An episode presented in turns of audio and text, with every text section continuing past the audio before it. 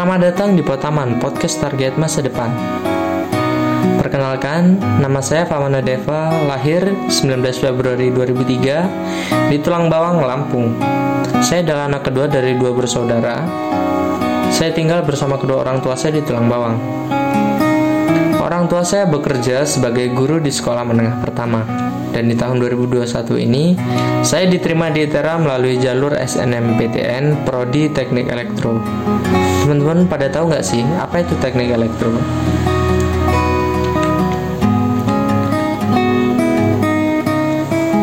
Teknik elektro atau electrical engineering disebut juga teknik listrik atau elektronika.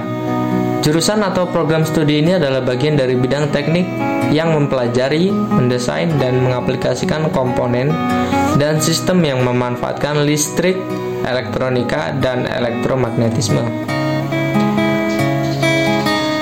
Teman-teman, berapa lama nih kira-kira waktunya untuk menempuh pendidikan teknik elektro?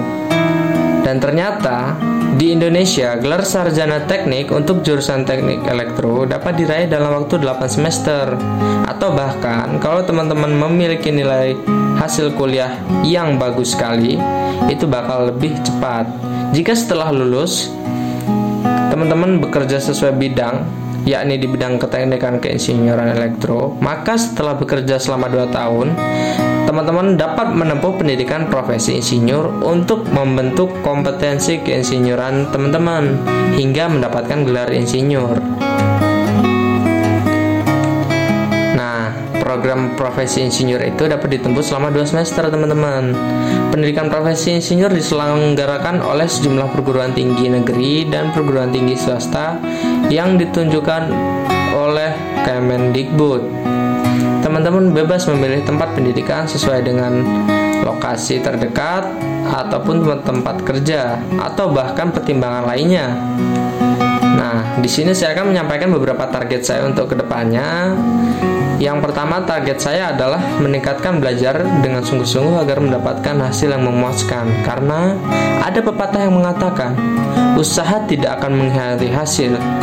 Dan target saya adalah mendapatkan IPK di atas 3 teman-teman target kedua saya adalah dapat lulus dan wisuda dengan tepat waktu ataupun lebih cepat dan melanjutkan pendidikan Target saya selanjutnya adalah setelah lulus pendidikan, saya memiliki target untuk bekerja di BUMN ataupun membuka usaha sendiri agar dapat membeli rumah, mobil, dan gaji yang cukup untuk membahagiakan orang tua.